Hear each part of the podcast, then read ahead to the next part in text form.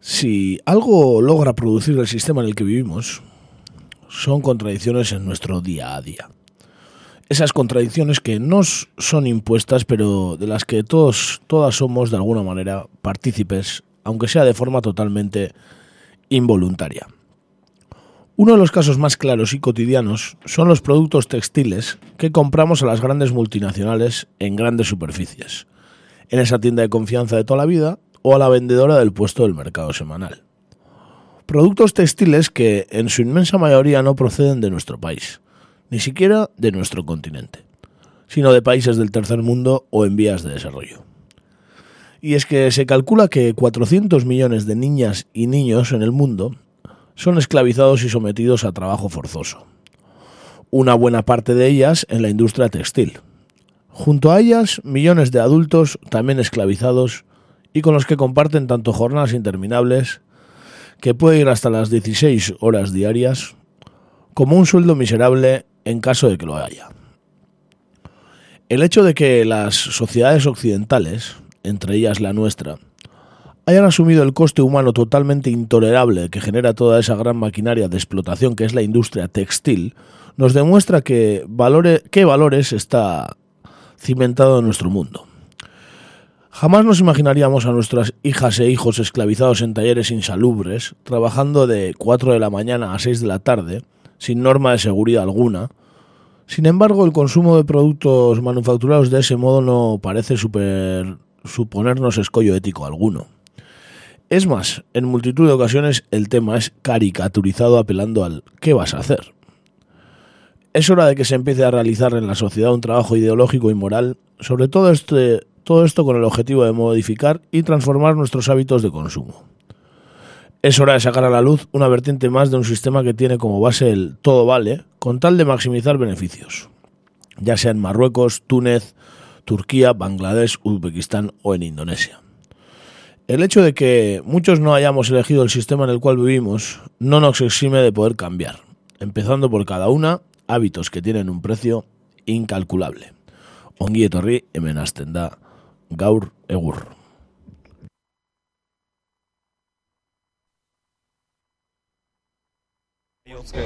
C'est la lutte contre le terrorisme. Katea ez da eten.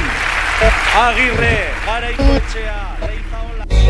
Gaur egur. Gaur egur. Gaur egur. jolasten eta enredando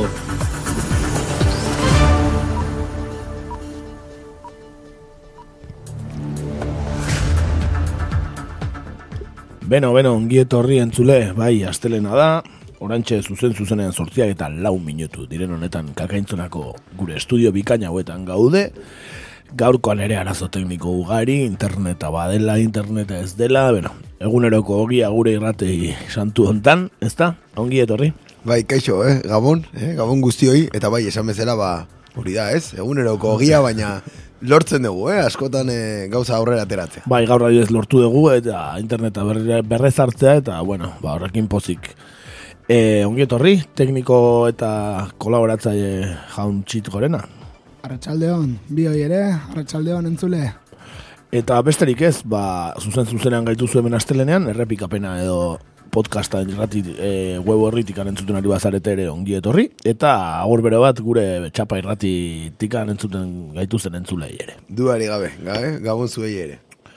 E, ba, besterik gabe, behin txarrera eginda, ba, bertan gaurrekin joango gara.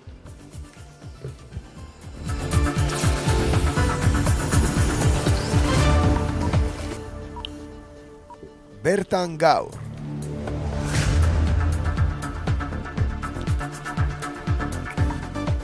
Beno, gaur e, bertan gaurren ba, berriz ere tortura, tortura ekarriko dugu. Euskal Herrian e, tortura ba, asko izan delako, e, Europako herri ba, tortura jasan herri nagusienetako bat da gurea. Eta ba, azkena kasua ora ba, oi hartzuna izaten ari dena medioetan, ba, Sandra Barrene atxearena da, ezta? tortura kasua epaitu zuen epailetako bati, orain e, ba, jakinda Guardia Zibilak domina bat eman ziola. Bai, hala da. E, kaleratu da informazioa aste honetan, ez da? Nola, e, ba, bueno, epaietako bati be, domina jarri zion e, Guardia Zibilak. Eta, bueno, ba, Sandra Barrenetxak aurkeztutako tortura salaketa apirian, e, epaitu zen gogoratzen bazeate. Alfonso González Guija epaiak e, akusatuta e, zeuden lau Guardia Zibilak absolbitu egin zituen, salaketa berresteko elementu periferikorik etzegoela argudiatuta orain jakinda, magistratuak Guardia Zibilak ematen duen ordenaren merezimenduko domina jaso zuela barrenetxaren epaiketa baino sei hilabete lehenago. Eta ordurako bazekitela bera izango zela epailetako bat. Jon Inarritu EH Bilduko senatariari Espainiako gobernuak aitortu dio barrenetxearen kasuko epaiak Guardia Zibilaren errekonozimendua lortu zuela beraiekin kolaboratzeagatik. Guardia Zibilak ez diren profesionalei ematen zaien saria da, segurtasun indarrei babesa eta laguntza emateagatik. Inarrituk adierazi du epaia barrenetxearen kasutik kanpo geratu beharko litzatekeela neutraltasun faltagatik eta informazio honek tortura salaketa gehienetan nabarmendu den botereen banaketa eza azaleratzen duela. Tortura kasuetan agerian geratu da gobernuaren segurtasun indarren eta epailen arteko harremana. Ez dago inongo, austurarik euren artean esan zuen. Sandra Barrenetxea 2000 eta amargarren urtean atxilotu zuten, 2000 batean ilegalizatu zuten ekin erakundeko kidea izatea leporatuta. Atxiloaldian jasandako irain, mehatxu eta sexu erasoak etengabeak izan zirela berretsi du une oro. Kasua pasaden apirilean, epaitu zen esan bezala, e, bizkaiko lurralda ausitegian, eta epaileak salaketa etzela faltsua ebatzi bazuen ere, lau akusatuak argugabetu zituen, aurkeztutako frogak nahikoak etzirela argudiatuta. Defentsak aderazi du Guardia Zibilak epaileari emandako domina froga gisa erabiliko dutela kasu Europako auzitegira eramateko. Amnistia Internazionalak jakinarazi duenez, 2008-tik 6.000 salaketa jaso ditu Espainiako estatuak tortura kasuengatik eta akusatuen gehiengoak Guardia Zibilak dira. E, epaiketa eguneko audio bat ekarri dugu, Sandra Barrenetxeak nola epailaren aurrean e, ba, esaten duen zein diren e, aurreko guardia zibilak eta nola ba, errekonozitzen dituen e, bere aurpegiak. E, benetan testigantza gogorra, bere egunean bastante entzuntzena, baina gogora arazi egingo du. Él es el, el que me puso encima de la mesa y el que se puso luego delante mío encapuchado. Y lo sé, porque lo tenía delante, o sea, y porque le vi. Y él el del coche. Hostia, chaval. Y el de la esquina. El de la esquina es el que me tomó declaración. No estaba con ese pelo, pero es el que me tomó declaración seguro y el, a la tercera persona no le, no le reconoce usted como que le hubiera visto en ningún momento. A la tercera empezando por su izquierda.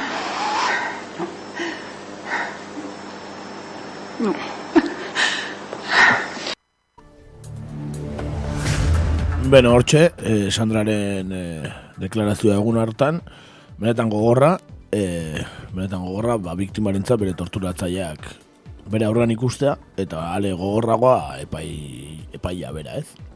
Duari gabe ez, ba horra absoluzioa, e, absoluzioa da azkenean ez, e, hori baino gogorragoa izan bar duena ez, e, justizia eza dagoela ikustea, eta e, ba, betikoa, ez? Nun daude, nun daude frogak, nola frogatzen dezu e, pertsona bat torturatua izan dela?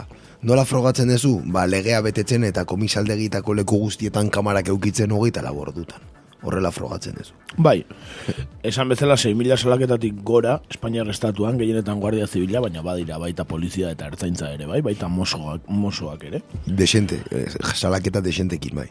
Eta ba hori, benetan e, ba, ba, instituzioen lakara handienetako bat dena, ez da, beraien e, ba, indar polizialek erabiltzen duten ba, tortura sistematikoa, erabili izan duten orain arte behintzat, hemendik aurrera ez dakigu azken kasuak ez dakigu noizkoa diren, baina bentsate euskal militante politikoei eh, ja badirudi, bueno, ez dala torturatzen, ez da? Baina benetan e, urte gogorrak izan dira azken amarkadetakoak eta tortura oso bizi egon da, komisaldegietan, eta bueno, instrumentu politiko nagusi bat izan da estatuaren partetik. Duari gabe, bere biziko garrantzia euki duena, eh? E, ba, bueno, Euskal Gatazkaren inguruan, eta baita ere, ez? Beste, beste hauzi batzutan, ez? Baita Bai, ere. Baita imigranteekin, eta baita... Baina, bueno, adibidez, eh, orain eh, puripurian dagoen Katalunian, bueno, ba, ba kotxean eh, musika ozen jarri eta ez da zer gehiago jarri zelako, bueno, ja abokatuak salatu egin zuen, ez, tratu txarra. Bai, tratua, etzela egokia, Egokia izan, eta izan. egia da, etzan egokia izan. Zan ez? egokia izan, baina, bueno, bastante urruti dago, Duari gabe. ba, adibidez, in- intxa urrondon edo Euskal Herriko beste komisaldegi batzutan jasan izan denarekin, ez da. Dudari gabe, eta horren inguruan, e, bueno, behin baino gehiagotan hemen hitz egin dugu horretaz, ez? Baina horren inguruko e, inungo onarpenik, inungo adierazpen instituzionalik, inungo, sikiera inungo investigaziorik ez da egon. Hau da, historian gertatutako horri txuri bat balitz bezala e, iritsi da onaino e, torturaren hauzia, ez? Eta, eta ez du ematen egunen baten hori ofizialki idatziko denik. Ez, ez, eta gainera beste adibidez eusko jaurlaritza, ez, e, parlamentuan, gazteizko parlamentuan, legebiltzarrean, e, ba, bagoen ponentzia famoso hori ez, bakegintzarena, eta, bueno, ba hor ikusiko dugu ze pixu hartzen duen torturak, eta noraino, e, alderdi batzuk onartzen duten benetan e, tortura jasan den tortura eta benetan kopurua ba benetako kopurua erreal bat atera argitaratzea ba biktima guzti hoiena, ez? Dudari gabe ez, eta gero zenbakitik aratago dagoen e, beste gauza bat dago, eta da, e, responsabilidade eskaera. Hau da, tortura kasu batzuk, e, egon ziren, fr- e, bueno, kasu batzuk, kasu ugari asko, eundaka, milaka kasu, ez? Frankismo garaian, larogei garren amarkadan, larogei tamargarren amarkadan, baina baita ere orain dela zazpi sortzi urte. Hau da, Sandra Barren etxearen kasua 2000 eta amarreko kasu bat, da, orain dela zazpi urteko kasu.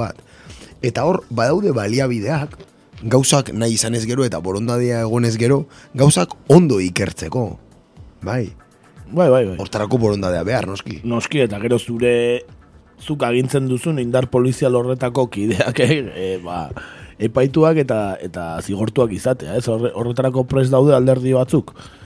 Boterean egon diren alderdi batzuk, e, ba, gara ilun hauetan boterean egon diren batzuk e, onartuko lukete hori dena. Dudari Ez gabe ez da, ez da horrela izango, ez? Ez da horrela Ez izango. bentsat epe motzean, ez da epe ertainean ere. Ez estatu mailan, ez eusko jaurlaritzan. Ez, ez, inun ere ez.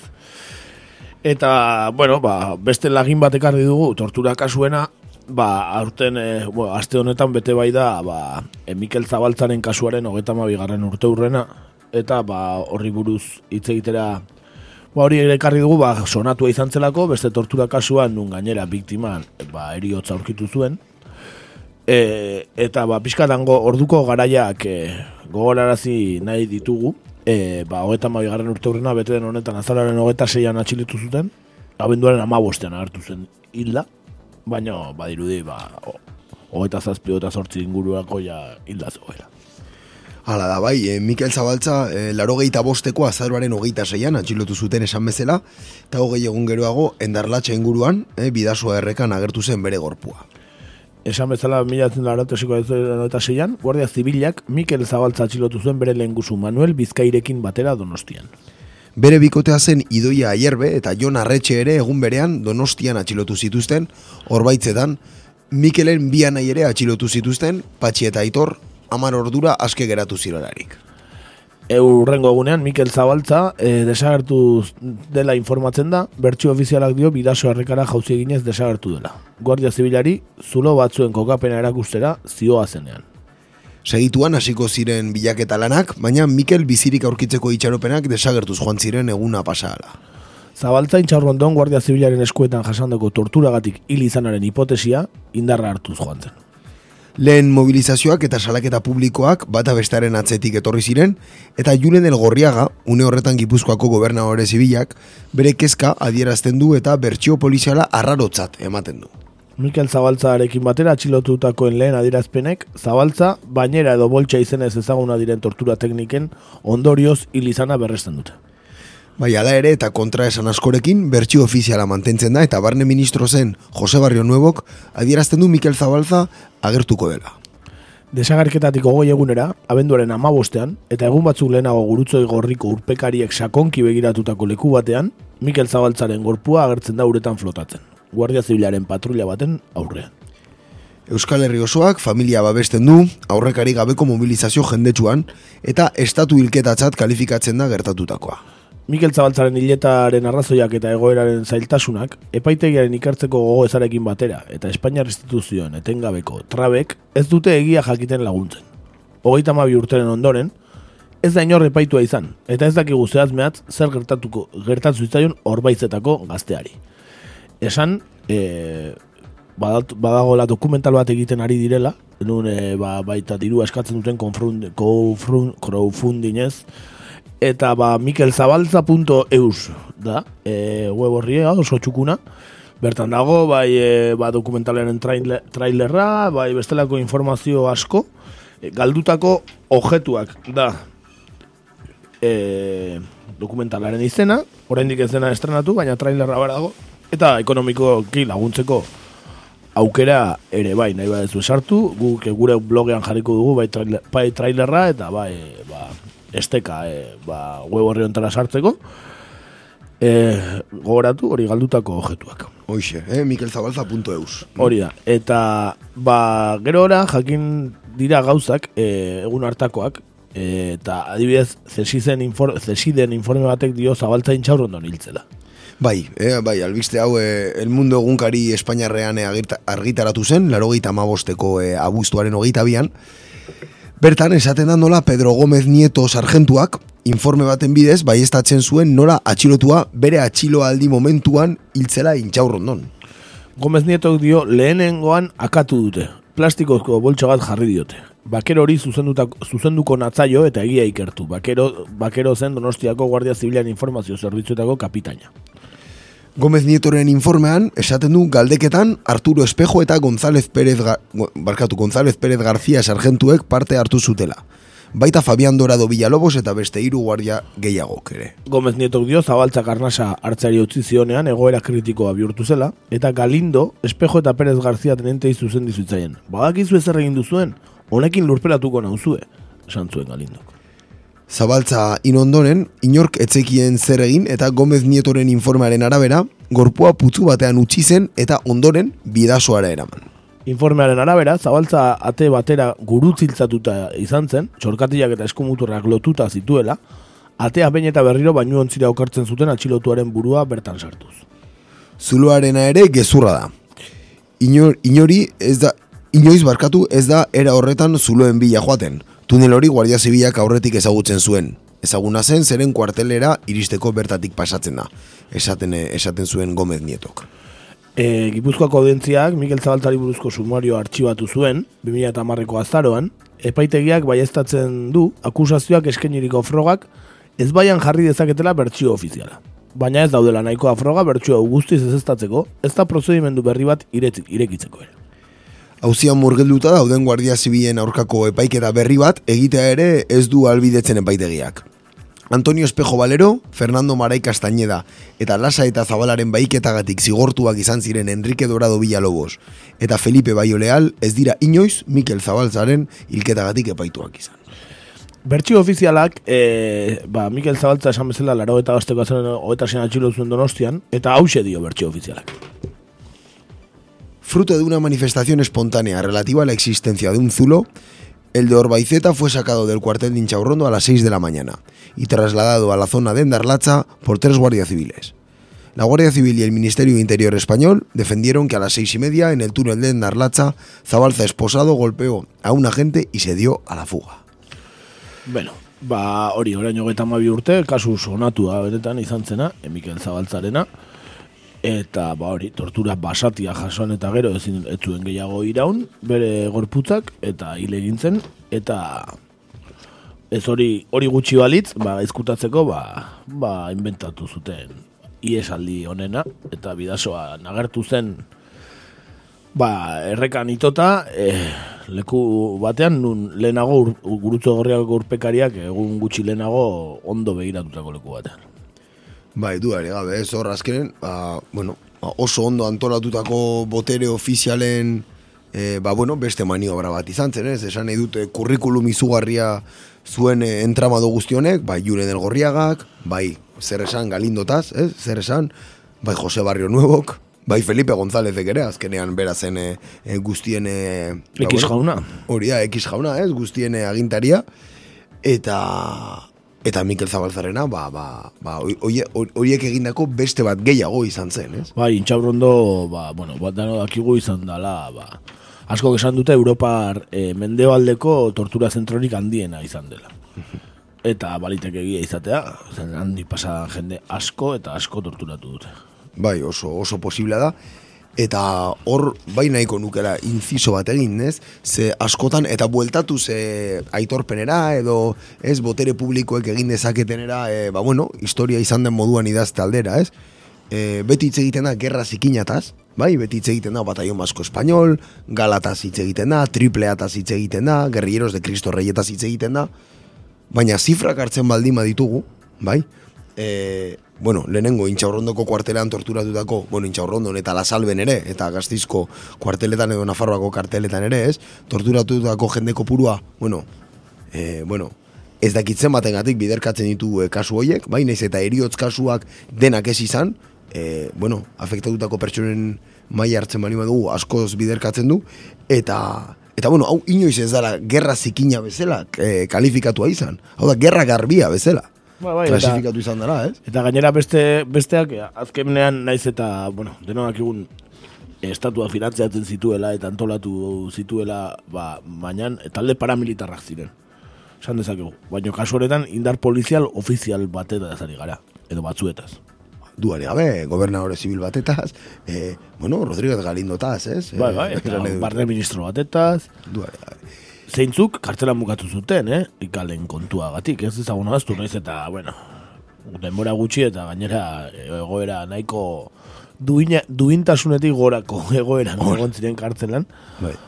Baina, bendo, e, paituak izan zirela honegatik, eh? Ez da, ez dago la inorri inozentea, eh? Esan ditugu nintzoietan du, dudari gabe ez, eta hor berriro ere bueltatzen naiz e, marra gorriaren ez torretara, nun eh, marraren ze aldetara izan zen gerra zikina eta ze aldetara gerra garbia. Uh Eta balez uste marra guztia abarkatzen zuela gerra zikinak, ez? Hau beste, gerra zikinaren beste, ba bueno, beste, beste modu bat besterik etzela izan, ez? Noski, eta gero hori, beti izaten dugun indar e, botere banaketa, ez? E, ba, nola, epaitura, epaitegietara eraman diren kaso gutxi hoietan ere, ba, ba edo epaileak e, absolutu egin ditu, edo kartzela zigor bastante txikiak, edo gero e, gobernuak indultatu, ba, bai. eta abar, eta abar indultoak eta e, sikiera, ba bueno, ez, e, kondenatutako poliziak edo guardia zibilak ere, e, gero azten dituak izan dira. E, ondo egindako lana ordaindu egiten da, mhm. ez? Bai, ondo bai. egindako lanak, ba bere premioa dauka eta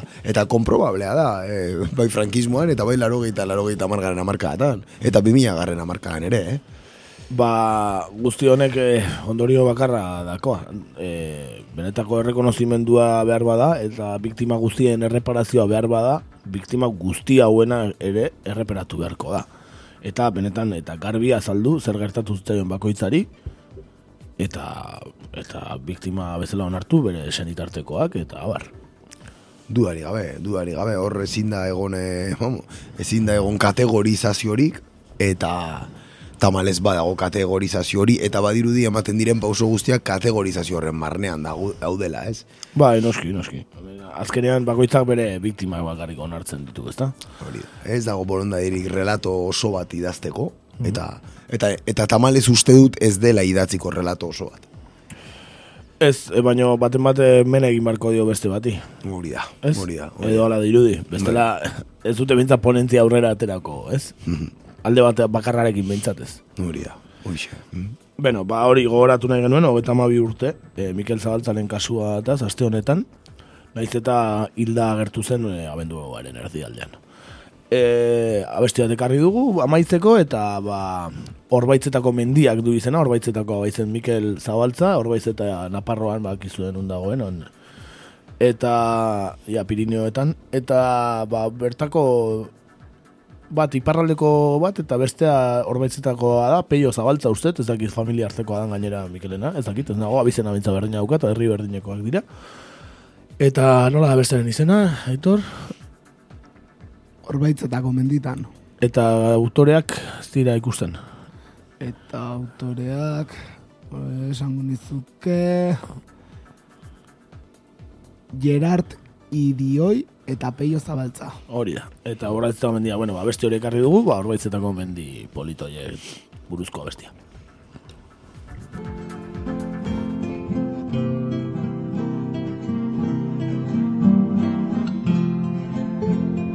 Odoi dute zirazu neskatxa Ama bosurte indira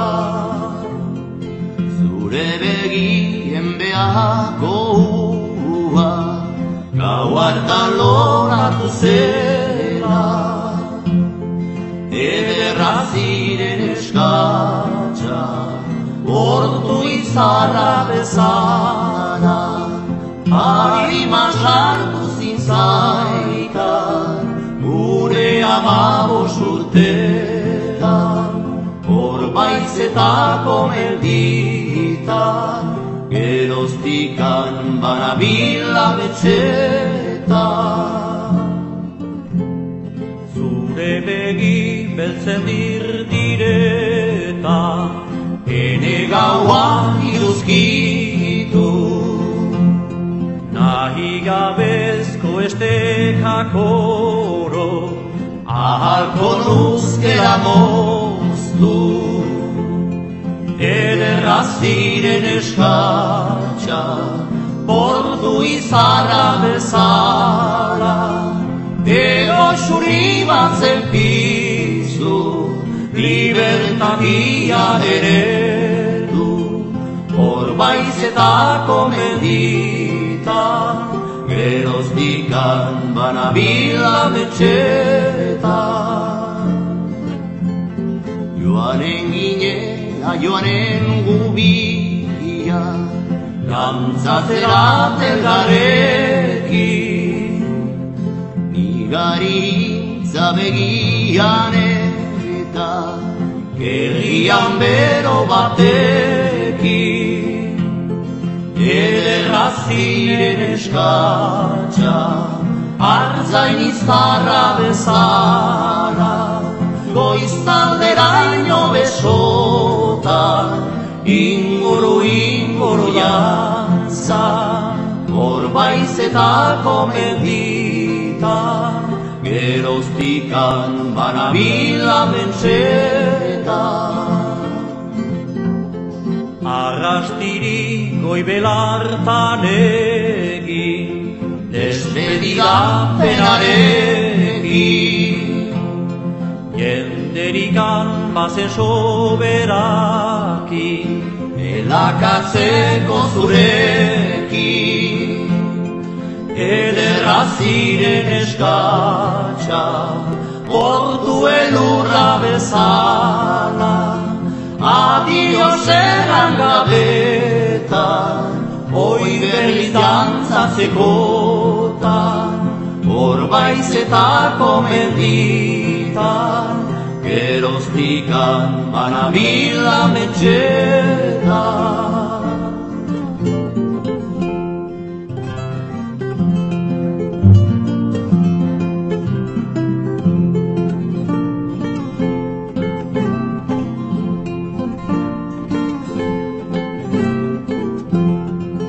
Iratiti horrea gara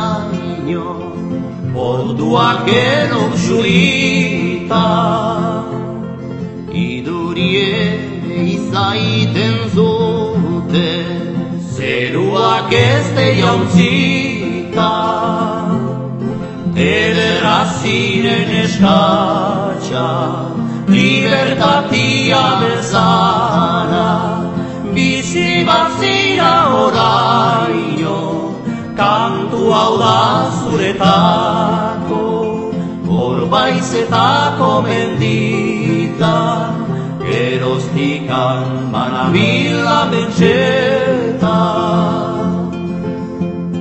Hor baizetako mendita, geroztikan manabila mentxeta.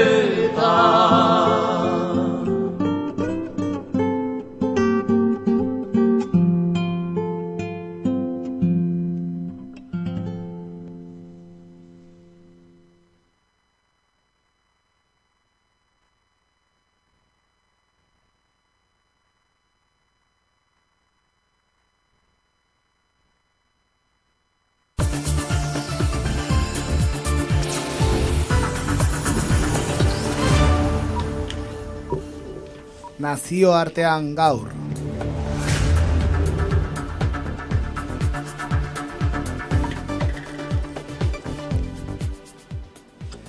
Bueno, pues como todas las semanas, eh, pasamos a nuestra sección internacional, la Nación Artean Gaur. Y bueno, pues hoy nos vamos a- al continente asiático, a, a una zona de la que de la que no hemos hablado nunca en nuestro en nuestro programa. No, ¿o es lo- no es lo normal. no es lo normal porque ya hemos abarcado bastante, ¿sí? Eh, hoy nos vamos a ir hasta Asia Central, ¿vale? y más concretamente nos vamos a ir a Uzbekistán, que seguramente para la mayoría de, los, de las que nos estén escuchando y los que nos estén escuchando, pues será un país más de los que acaba en Stan, de esos que están en el centro Sí, de... ¿Dónde están? ahí están. ¿Dónde ahí está están. Uzbekistán exactamente? Ahora mismo no lo, no lo...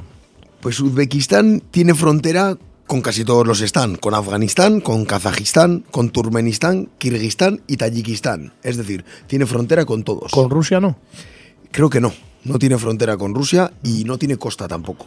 Ajá. Luego comentaremos por qué. No tiene costa. ¿Sí? Eh, bueno, el caso es que eso nos vamos a centrar en esta ex República Soviética para indagar un poco en un, en un multimillonario negocio ¿eh? que, bueno, pues que arruina las vidas de muchos de los habitantes de este país, que es el, el gran negocio del algodón. La industria textil que antes hemos comentado en, en la editorial al principio, ¿verdad? Efectivamente. Eh, Uzbekistán, la República de Uzbekistán, es un país que cuenta con 32 millones de habitantes, como hemos dicho, y limita, como hemos dicho, con Afganistán, Kazajistán, Turkmenistán, Kirguistán y Tayikistán. Así es. Eh, fue parte del Imperio Ruso en el siglo XIX y en 1924 pasó a ser República Socialista Soviética Uzbeka. Tras la desmembración, la desmembración de la Unión Soviética en 1991, pasó a ser la República de Uzbekistán. Sí, es un país mayoritariamente musulmán ¿eh? y para que os hagáis una idea, pues más del 90% de la población pertenece a esta confesión. Uzbekistán es un país con valiosas riquezas naturales, entre las que se encuentran el uranio, la mayoría del cual vende a Estados Unidos y Corea del Sur, el gas natural, el oro y el algodón. Así es, precisamente la recogida, exportación y uso que se hace del algodón uzbeco, pues está saliendo cada vez más a la luz. Y es que Uzbekistán es el quinto productor y el segundo exportador de algodón del mundo. Sin embargo, los métodos utilizados para alcanzar estas cuotas de producción son tan opacos como poco loables, vamos a decir. Cada mes de septiembre, miles de alumnas y alumnos de todas las edades, muchos de ellos menores de 10 años, y funcionarios de todo tipo, desde médicas y enfermeros hasta profesores, son destinados forzosamente a la recogida del algodón por parte del gobierno. Así es, eh, en caso de no acceder mm, a la tarea que les pide el gobierno, pues los funcionarios simplemente pierden su puesto de trabajo. Joder. En el caso de los padres que se niegan a que sus hijas e hijos participen en la recogida, se les impone una cuantiosa multa calculada para quebrar la economía de cualquier familia obrera uzbeca.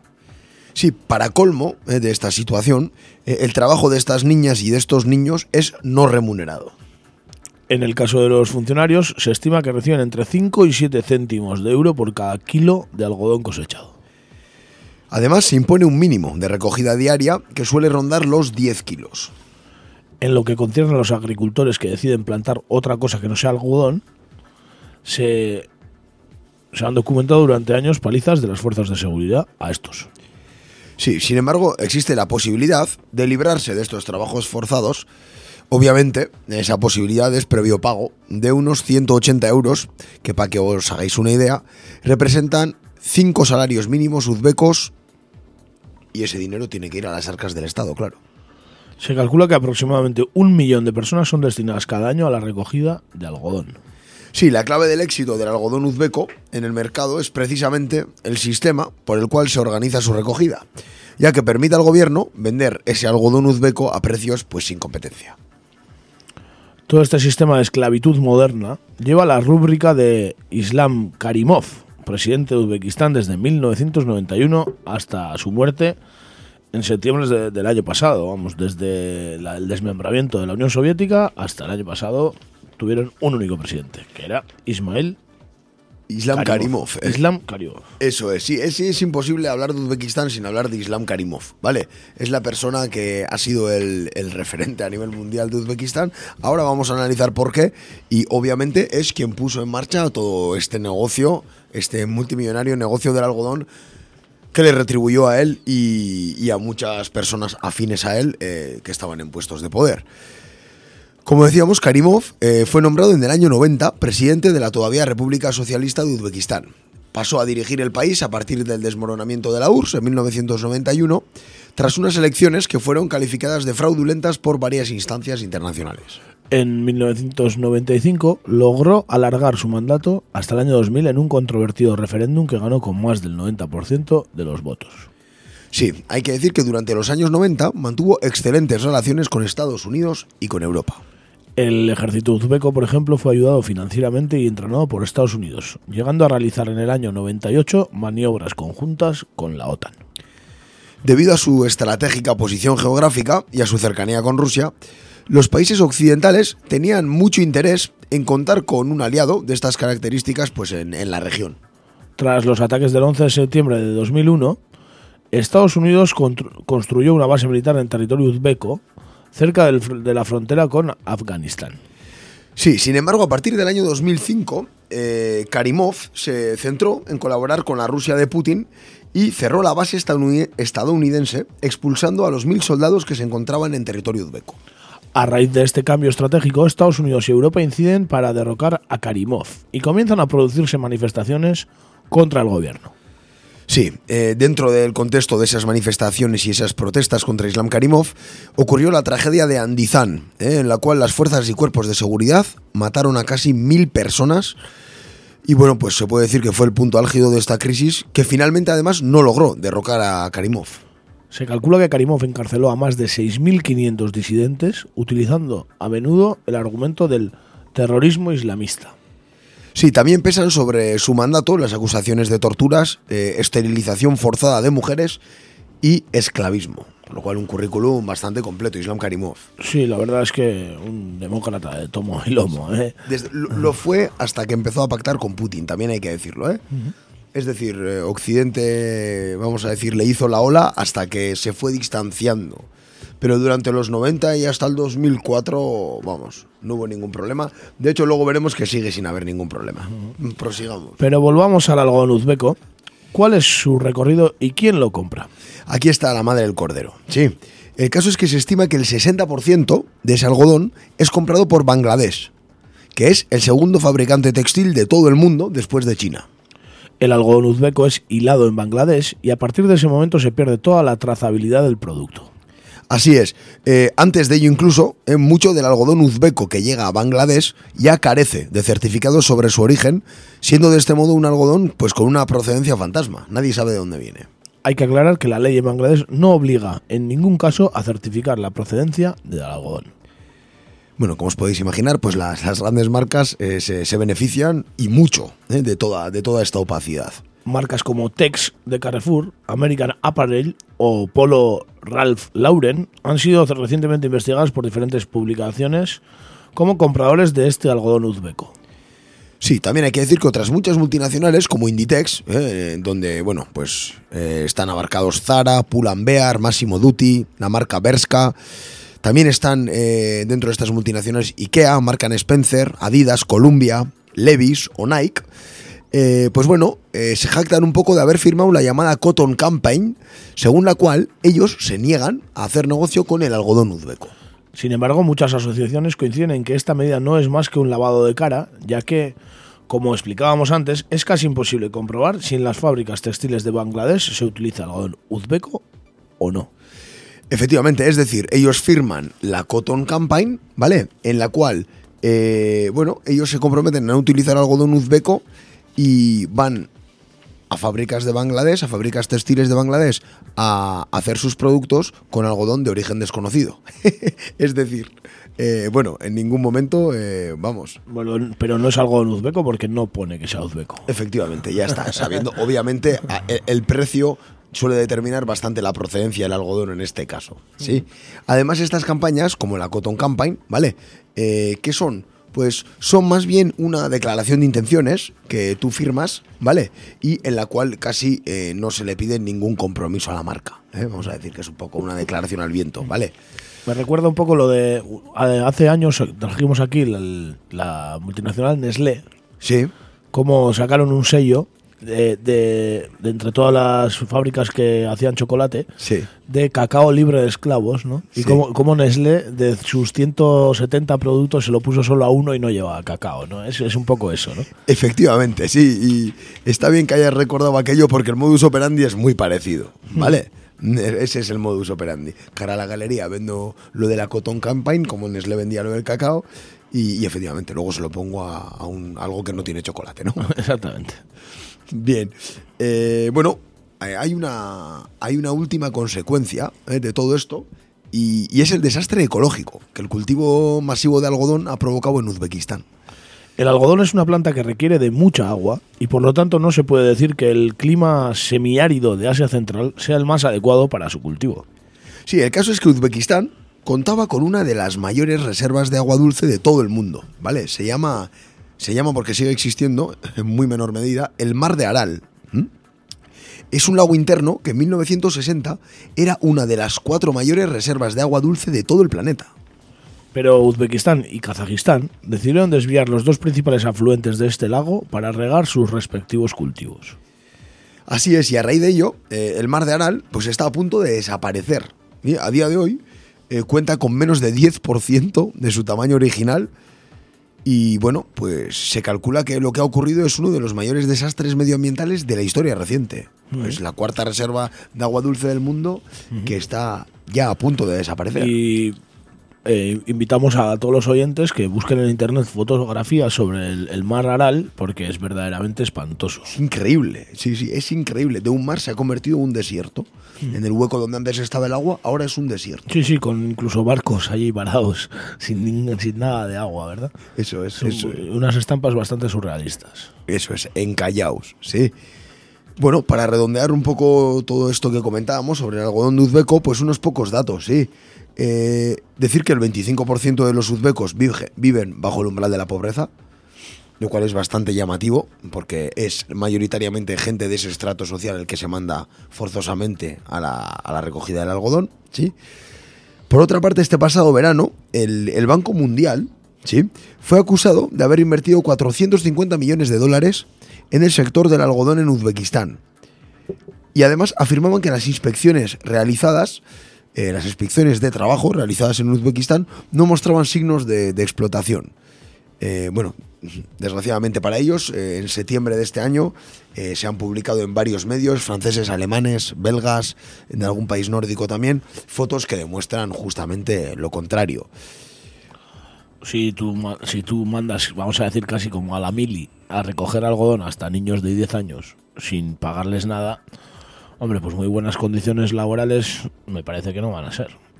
Efectivamente, además, el Banco Mundial falta bastante de vergüenza al decir esto, porque los inspectores que han ido a supervisar esos campos de algodón son miembros de la OIT, ¿vale? La Organización Internacional del Trabajo, que es parte de la ONU. Y en todo momento, estos inspectores e inspectoras eh, dijeron que iban acompañados por uno, dos o incluso tres miembros eh, pues bueno, del Ministerio de Trabajo del gobierno uzbeco.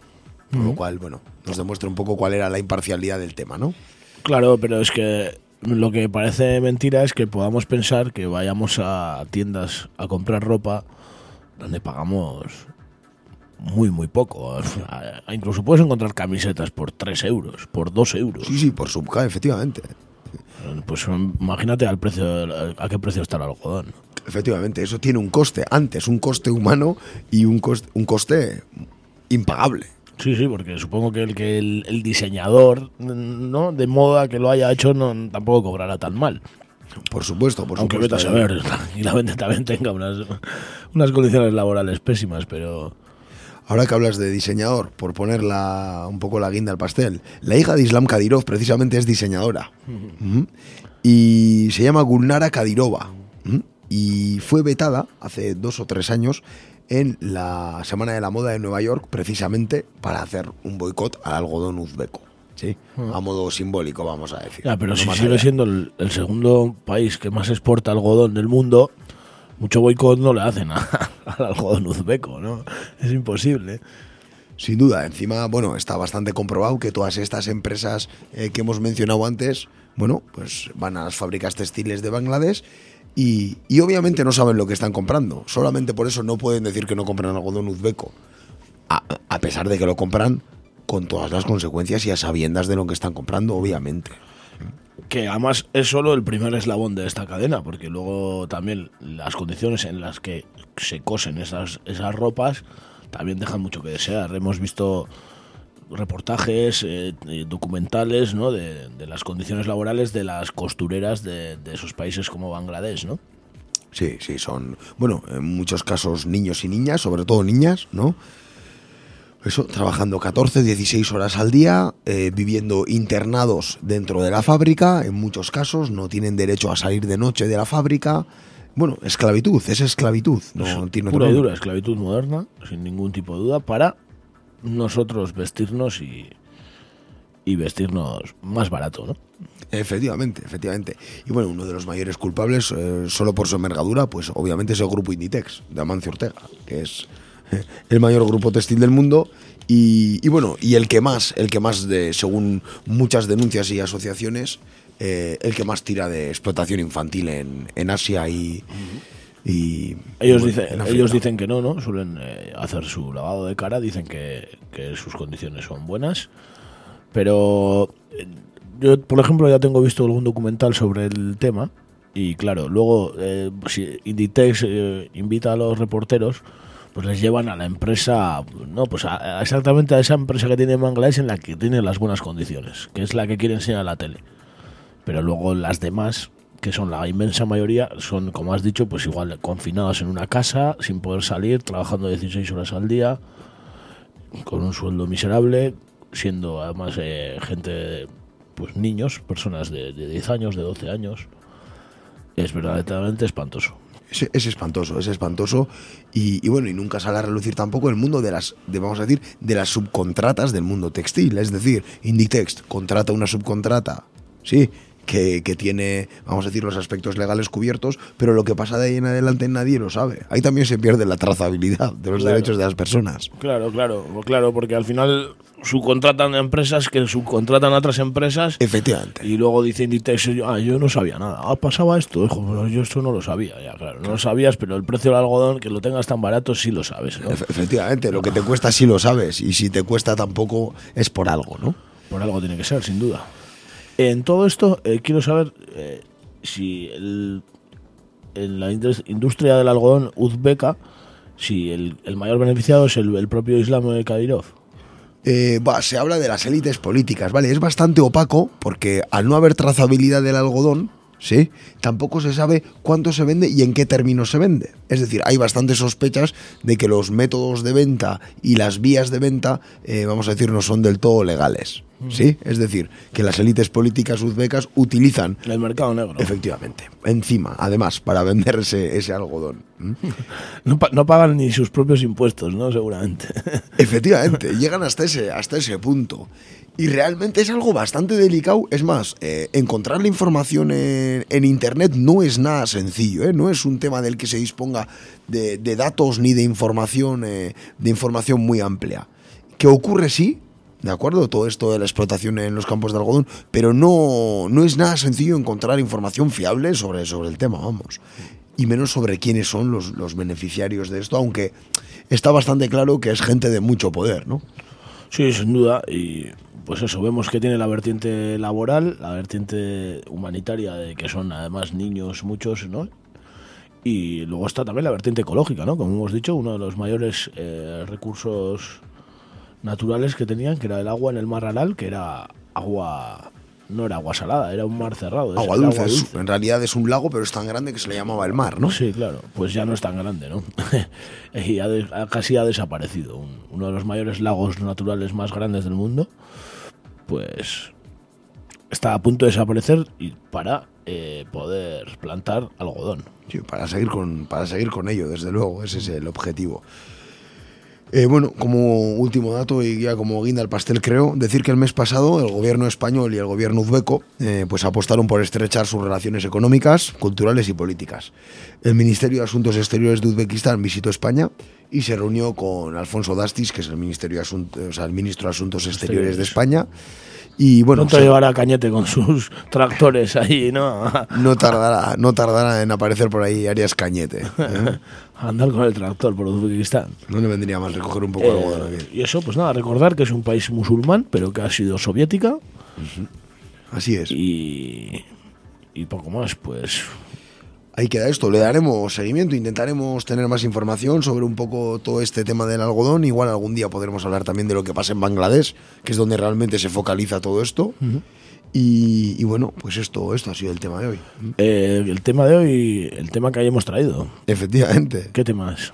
Es, un, es una canción de un grupo que se llama Mawa- Mawarauni, me ha costado. Eh, un tema que es como una mezcla entre folk uzbeco y, y, bueno, un poco, vamos a decir, música un poco metal o un poco más de ese estilo. Eh, no es Curioso. muy corriente, ¿eh? En ¿Ha- Uzbekistán. ¿Hablan en árabe en Uzbekistán? Eh, no, no, no, no, tienen... Hablan uzbeco. Efectivamente, tienen su propio idioma. Eh, suena bastante parecido al ruso, os daréis cuenta que suena bastante así. Y deciros que el tecno, bueno, el tecno, vamos a decir, la pachanga arrasa en, Uzbe- en Uzbekistán, ¿vale? Hay versiones en uzbeco de, de despacito, eh, versiones de reggaetón en uzbeco, ¿vale? En este caso no, no hay letra, ¿vale? Es un- una canción... eh, Vamos, eh, que pueden poner en esta calle que tenemos aquí, si- yendo a la, ¿no? de la radio para adelante, de todos estos bares que no ponen más que reggaetón, les invitamos a que pongan reggaetón uzbeco, ya que están. Eso es, y de paso ven dónde está Uzbekistán en el mapa también, que no está mal. ¿eh? Y nos vendan agua del mar Aral. Eso es. ¿eh? Bueno, pues a ver qué tal suena la música uzbeca.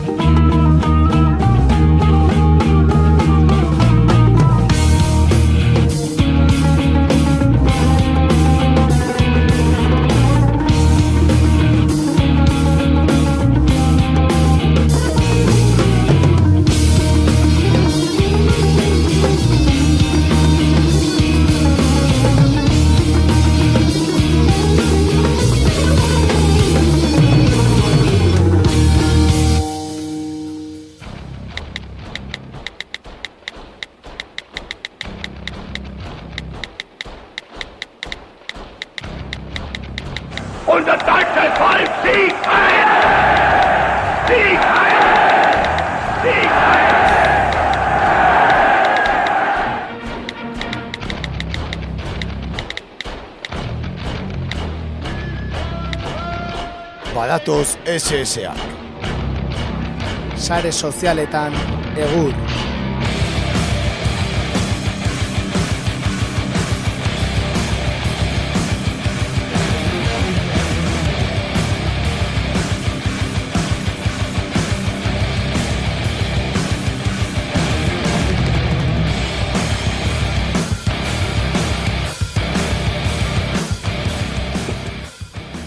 Ba, iritsi da sare sozialen txanda ere. Gaurkoan ere, beteta, ez? Bueno, lana, etxeko lana egin da, bintzat. Egurra partitzeko prest. Ba, denetarik ekarri dugu gaurkoan ere, eta bueno, ba, hasi egingo gara horrekin, eta ba, lehenengo txioa, ekos del getok idazten zuen, eta horrela jartzen zuen.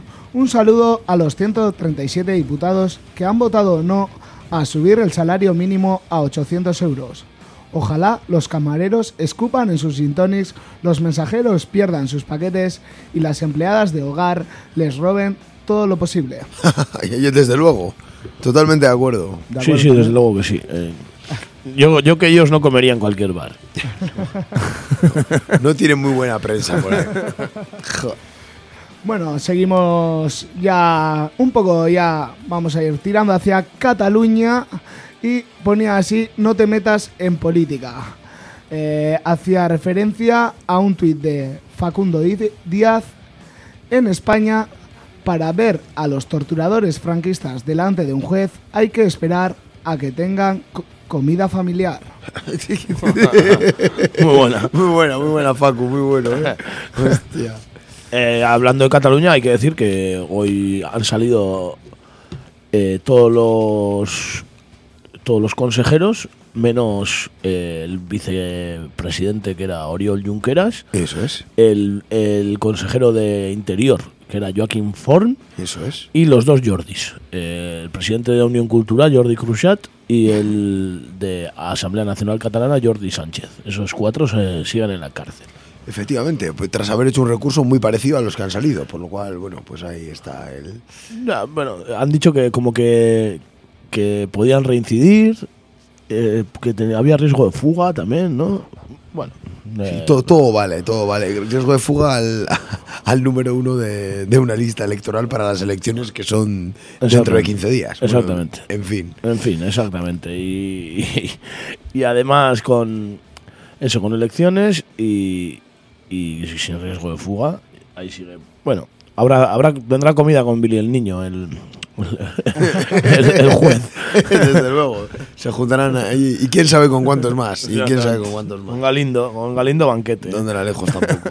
Bueno, y haciendo referencia a esto de lo que habéis dicho de Cataluña, Anita Bodwin eh, ponía así, a lo mejor si Junqueras fuera o punto Junqueras, no estaría preso. No, puede ser. ¿Quién, quién sabe? Por ¿Quién M, sabe? M. Rajoy, ¿no? Es que todavía nadie sabe quién es M. Rajoy. Así de claro, así de claro. ¿Quién sabe? Es que ¿Quién hay, sabe? hay mucha gente que se apida a Rajoy. Joder, y, que tiene M, y que tiene M de inicial. Y ese, ni te cuento. Sí, sí, es eh, muy, muy... Es como Pérez o García o un apellido muy, muy concurrido. Puede ser cualquiera. Puede ser cualquiera. Cualquiera te dice, me gusta Cataluña, hacen cosas. No hacen cosas. Es un vaso, es un vaso. y Un plato es un plato. Y han subido los impuestos de las chuchas. De las chuches. Hostia, tiene un catálogo, eh, María. Sí. MR, MR tiene un catálogo. Vamos a decirlo MR. porque- MR, MR. ¿Eh? Esta es una gran, una gran Esta es nación. una gran nación. Joder. Joder, MR. En fin. Bueno, seguimos con una eh, un tuit de Josebe Iturrioz que hacía referencia a un retweet de Podemos, de Monedero esta vez, que Monedero decía así, hay que decirlo con claridad, no somos una fuerza independentista. Gracias a los independentistas se ha despertado la fuerza del fascismo en toda España. Y Josebe Iturrioz escribía, eso es, y la minifalda despierta la fuerza de violador. Es que Es que va por ahí la historia, exactamente. efectivamente. Es que va por ahí la historia, ¿no? Ha despertado la fuerza del fascismo. Yo no sé en qué país ha vivido Juan Carlos Monedero estos últimos 50 años. Hombre, viendo quién es su padre, que fue candidato de Vox, pues eh, está claro que no le gustan los nacionalismos. No, no, no, no, no. No, desde luego, desde luego. Bueno, vamos a ver, ¿no? A ver. eh, bueno. Es como ayer Inés Arrimadas debió decir que no existe la nacional- el nacionalismo español. No existe. Afortunadamente, afortunadamente. ¿eh? Afortunadamente no existe. Nos alegramos todos, desde todos los pueblos nativos de Sudamérica Sí. hasta vascos, gallegos, No- no catalanes, existe, no. andaluces y, Y demás. No, no, existe. El nacionalismo español nunca ha existido. Bueno, es una alegría saberlo, ¿eh? Gracias, Inés. ¿eh? Claro. Gracias, gracias. No, no, no, nunca te acostarás sin saber una cosa más. Nunca. Es que es, hay que luchar contra los nacionalismos, como dicen los españoles. Hay que luchar contra los nacionalismos. No hay un nacionalismo bueno. Ya lo dijo Juncker el otro día, el de la Comisión Europea. pero ¿eh? mañana juega España y tenemos que ir todos con la camiseta ni más. Joder, hombre, no. A tope, a tope con la roja. Tope con la cope. Eso es. A tope con Jiménez, los Santos. Otro, otro no nacionalista. Eso es, otro, otro, otro. No, no. Ni Rosa Díez, ni bueno, hay un montón, ya hablaremos, ¿eh? No, Pero. ninguno. Son Eso es, y como en España, como no hay eh, noticias, pues la prensa escrita tiene que escribir, pues, cosas, ¿no? Porque hacen cosas. Hacen cosas, hacen cosas. También, ¿no? Y pues una de ellas esta semana, pues ha sido el diario de Castilla-La Mancha, que vamos con la, pues, la noticia absurda, ¿no? De esta semana. Expulsado de un bingo por decir, por el culo te la hinco, cada vez que salía el 5. un tío gracioso, de O ¿verdad? sea, Le echaron, ¿cómo le echaron? Sí, bueno, pues sigo un poco con la noticia. Los empleados de una sala del bingo de Castilla, La Mancha, expulsaron a un individuo de unos 40 años que no paraba de repetir, por el culo te la hinco cada vez que se cantaba el número terminado en 5. En un primer momento, la ocurrencia despertó la risa de los co- concurrentes para convertirse luego en algo molesto y que llevó a la encargada de extraer y cantar las bolas a detener el juego y llamar a seguridad para que le pidieran que cesaran su actitud. Lejos de ello, empezó a añadir más rimas a su repertorio, como 13, agárrame, arra- agárramela, que me crece, 7, agarra y vete, y etc. Por lo que procedieron a su desalojo. Joder, es que es un poeta este hombre. A ver, a ver, a ver. Pero, Es el góngora del siglo XXI, no sé cómo decirlo. también un- tenemos el testimonio de- del dicho individuo. Del Lope de Vega del es. A ver qué dices que te hace la rima, ¿eh? A ver. Hay gente que piensa que la suerte de decir lo de la niña bonita y esas cosas.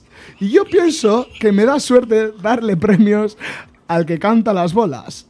Nos confiesa este manchego. Al principio lo decía bajito y no se enteraba nadie, pero tampoco me daba suerte, así que decidí probar a decirlo en voz alta. Aunque tuve que esperar al cambio de turno de la saca de bolitas, porque no, se fia- no me fiaba del tío del gimnasio que estaba antes que la muchacha.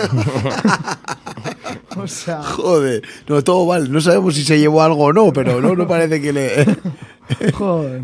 Madre mía. Pues así está España, chavales. Jo, vaya, vaya, vaya. Jo, Una Bueno, noticia de primer divertido, orden. ¿eh? divertido, está divertido. Está divertido. Es Una noticia de primer orden, ¿no? no. No sabemos qué cantaba cuando cantaba línea, pero. Ni cuando cantaba bingo, pero. Igual mejor no saber, ¿eh? Visto eh, el personaje, ¿eh? Madre mía.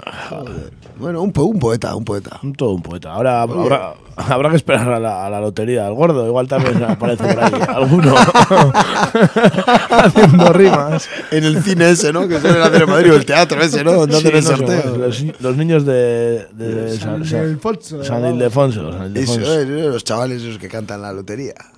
Bueno, yo os puedo decir que a mí no, me- no creo que me toque. No, a mí creo que tampoco. La verdad. Un poco difícil. Si Siempre no, gana Montoro, tranquilos. Siempre gana. siempre Montoro gana. y Carlos Fabra. O como era este, el de Castellón. El de Castellón. Ese también le toca siempre. Carlos Fabra, 14 años ganando la lotería. Sí, sí, tenía décimos por un tubo. No, sí, para cambiarse gafas de sol cada día. Uy. Bueno, pues... Ya está, besterik? Ez, besterik ez. Hori izan dena. Bai, bueno, ba, interesgarri, interesgarri. Txo, matere geizkia izu, eta bingora juten magean noiz behar, bueno, gutxi gora bera, ba, bueno, ideia bat egiteko. Bai, ez? oen gainak amonak eta hola etortzen direla, ez? Etxe askotan tradizioa da. Mhm. Eta kontuz, ba... ba, ba, ez dakit besterik ez, gogoratu, ba, bai, aste honetan durangoko azoka famatua dagoela, e, horretarako liburu eta disko pilotxo batera agerterako ziren, eta jendez gainezka egongo da, ba, urte osoan zehar euskal liburu edo diskarik erosten ez duen jende asko joango bai da, bertara, gabonetako erregalo pilo bat erostera, eta gogoratu ere bai, ba, larun batean Parisen daukagula zita. Hori da. Egia, egia.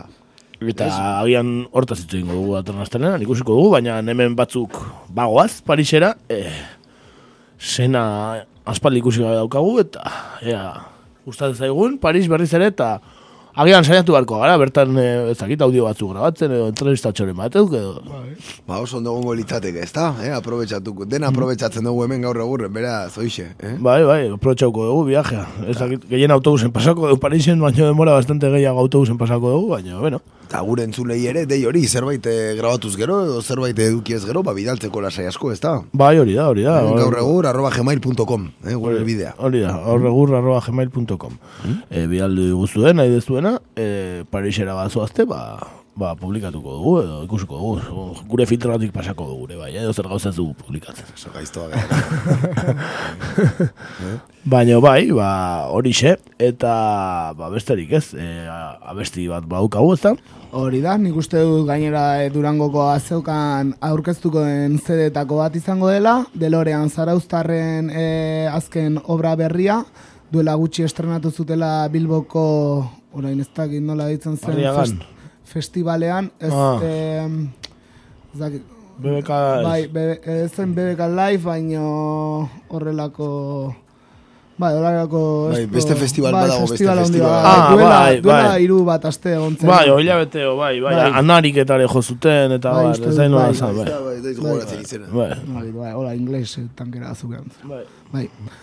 Ba, bueno, bai, hau, e, mi, e, Delorean taldeak, e, Mikel Laboari, ba, egindako e, oroimen bat edo da, eta ba, bai, Mikel Laboaren e, abestiak, ba, beraien toke pertsonalarekin, Delorearen tekno pertsonal horrekin, ba, nastutako e, CD bada, nahiko politia dena, eta ia da uste dute internetean ere entzungarri dagoela, hortaz, ba, e, aukera politia duzu, eh? Ba, uste elkarreko keman dizkiela Mikel Laban grabazio guztik, ez nahi duten egin dezaten. Uste. Ah, bai, eh, bai, Mikel eh. Laboaren ahotsarekin, da hola sartu egin dutela uste. dut. Oh, Bitu, oso ideia polita.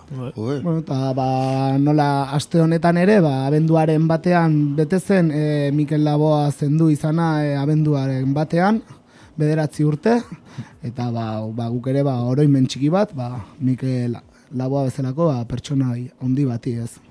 Duari Bai, gabe. artista bikaina, bai. Duari gabe. E, ba, besterik ez, e, mi esker horregatik entzule, urrengo astean ere hemen aurkituko gaitu zue, ea Parisek ze berri hartzen digun, eta horixe, Parisen ikusiko gara. Duari gabe. Eh, hoixe, eh, denoi, eta, bueno, aste gaiztok izan. Hm? Hori da, gaiztoak izan, eta ondo pasatu. Ba, hori ba, ba, orduan, ba, Deloreanen abesti honekin utziko zaituztegu Mikel Laboaren kantuz abestiarekin. Aio. Agur.